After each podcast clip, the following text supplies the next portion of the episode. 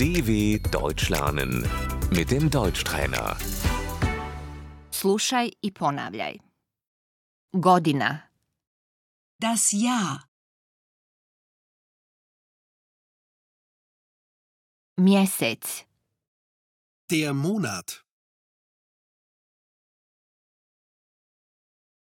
januar, der Januar,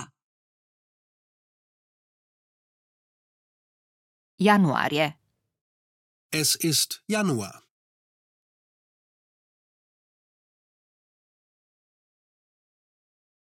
u januaru, im Januar,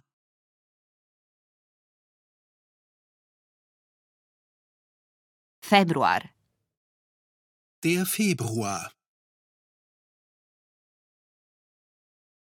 mart, der März,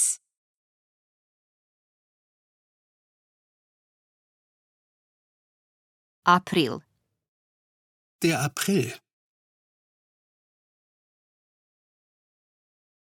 maj, der Mai, juni, Der Juni. juli, der Juli, avgust, Der August.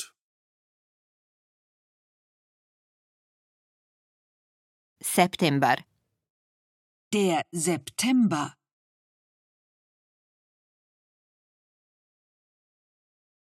oktobar, Der Oktober. novembar, der November, decembar, Der Dezember. proljeće, der Frühling, ljeto, Der Sommer. jesen, der Herbst, zima, Der Winter.